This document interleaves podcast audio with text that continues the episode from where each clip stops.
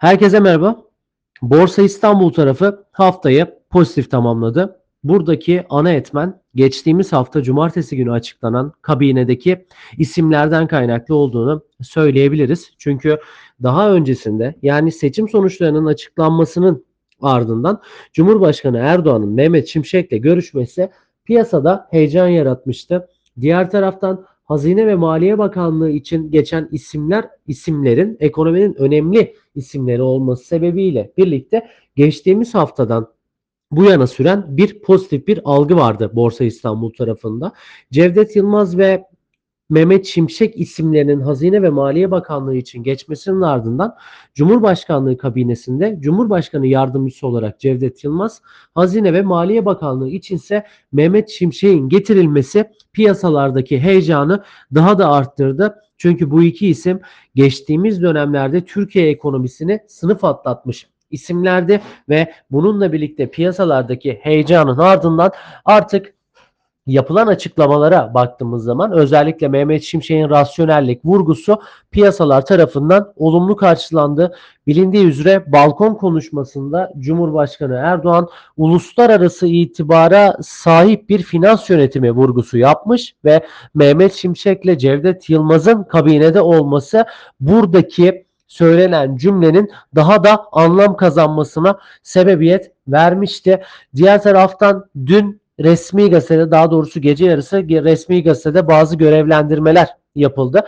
Bu görevlendirmeleri söylemeden önce Mehmet Şimşek'in rasyonellik vurgusunun ardından piyasalar ortodoks politikaya geçilebilme ihtimalini fiyatlamaya başlamıştı ve Türkiye Cumhuriyet Merkez Bankası için bazı isimler konuşuluyordu. Türkiye Cumhuriyet Merkez Bankası'na Hafize Gaye Erkan getirildi eski Türkiye Cumhuriyet Merkez Bankası Başkanı Şahap Kavcıoğlu ise BDDK Başkanı olarak atandı. Burada Sayın Erkan piyasada daha doğrusu medyada Türkiye Cumhuriyet Merkez Bankası Başkanı olma ihtimali en yüksek isimdi. Hatta bu isme kesin gözüyle bakılıyordu. Sayın Erkan'a da yeni görevinde başarılar dileyelim.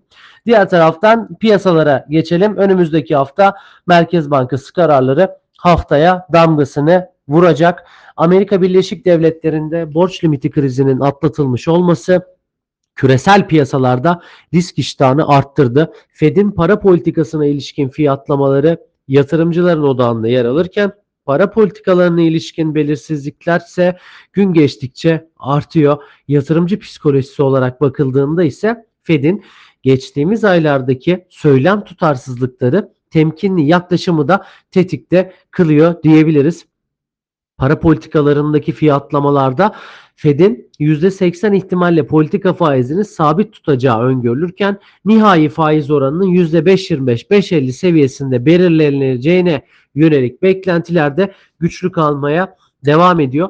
Tabi bu veriler için haftaya açıklanacak enflasyon verisi de takip edilecek. Enflasyonun kontrolü için arttırılan faizler bankacılık sektörünü sıkıntıya soksa da enflasyon geri çekilmeye de devam ediyor.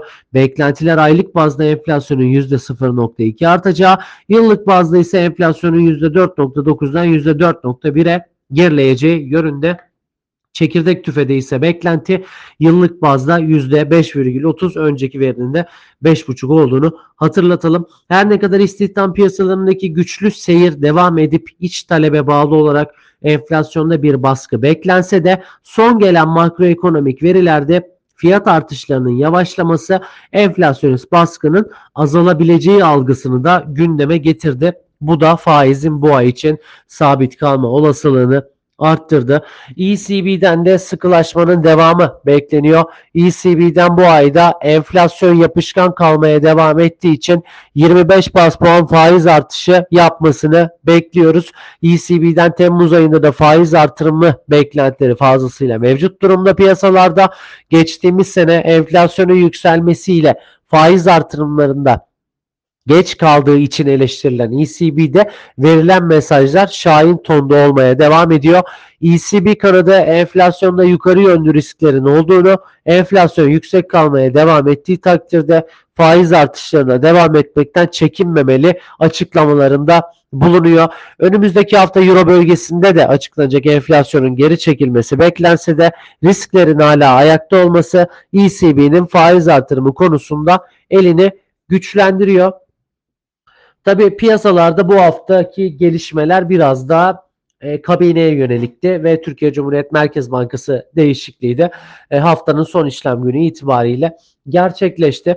Diğer taraftan önümüzdeki haftada global merkez bankalarından gelecek faiz kararları ve bunlara ilişkin yapılacak açıklamalar piyasalardaki yön arayışını kısmi de olsa belirleyecektir. E, bizim için de enflasyon verisinin ardından Merkez Bankası Başkanı'nın değişmesinin ardından da gözler 22 Haziran'daki para politikası kuruluna çevrildi. Sayın Erkan'ın da ilk e, PPK'sı olacak ve buradaki bir söylem değişikliği, bir ortodoks politikaya geçişe dair yapılabilecek herhangi bir vurgu piyasalardaki risk iştahını da destekleyebilir. Bunu tabii ki hep birlikte para ve maliye politikalarına ilişkin yapılacak açıklamalar ve bunlarla ilgili atılacak adımlar bizim piyasamız açısından da ileriye dönük projeksiyonlarda fazlasıyla önemli olacaktır diye düşünüyoruz. E, son bir dipnot da vereyim. Özellikle kur tarafındaki yukarı yönlü seyrin etkisiyle birlikte ihracatı yüksek, satışları döviz endeksi ve kurdaki